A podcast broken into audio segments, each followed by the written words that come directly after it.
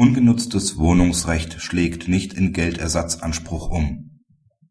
Kann der Wohnungsberechtigte, dessen Recht im Grundbuch eingetragen ist, aus gesundheitlichen Gründen sein Wohnungsrecht nicht ausüben, besteht weder ein Geldersatzanspruch noch ein Anspruch auf Gestattung der Vermietung gegen den Eigentümer. Aufgrund eines Erbauseinandersetzungs und Testamentserfüllungsvertrags erhielt die Klägerin am Obergeschoss einer Immobilie ein lebenslanges unentgeltliches Wohnungsrecht, welches dinglich gesichert war. Aus gesundheitlichen Gründen kam sie in ein Pflegeheim. Sie verklagte den Grundstückseigentümer auf eine monatliche Nutzungsentschädigung in Höhe der ortsüblichen Miete mit der Begründung, es liege eine Störung der Geschäftsgrundlage vor. Bei ihr bestehe ein subjektives Ausübungshindernis, welches einen Geldersatzanspruch rechtfertige. Hilfsweise beantragte sie den Beklagten zu verurteilen, die Ausübung des Wohnrechts einem Dritten zu überlassen. Das LG wies die Klage vollumfänglich ab. Das vertragliche Wohnungs und Benutzungsrecht stellt gerade keinen alten Teilsvertrag gemäß Artikel 96 EG BGB und § 6 fortfolgende baden-württembergisches AG BGB dar. Nur ein solcher sieht gemäß § 14 baden-württembergisches AG BGB einen Anspruch auf Geldrente bei Verlassen der Wohnung vor.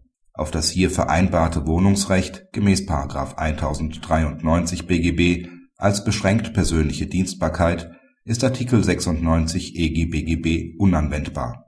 Auch eine Vertragsanpassung nach den Grundsätzen des Wegfalls der Geschäftsgrundlage greift hierfür nicht ein. Hierzu fehlt es an den Voraussetzungen des § 311 Absatz 1 BGB, weil sich die Vertragsgrundlagen für die Parteien nicht unvorhersehbar schwerwiegend verändert haben. Schon bei Vertragsschluss im Jahre 1968 waren die jetzigen gesundheitlichen Umstände zumindest als nicht fernliegende Möglichkeit vorherzusehen.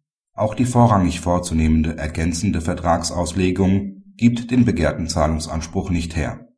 Eine Regelung für den Fall, dass die Berechtigte in ein Pflegeheim wechselt, sah der Erbauseinandersetzungs und Testamentserfüllungsvertrag nicht vor der Vertrag ist insoweit bewusst nicht abschließend, weshalb diese Lücke nicht mittels Auslegung wegen des entgegenstehenden Willens der Vertragsparteien ergänzt werden kann.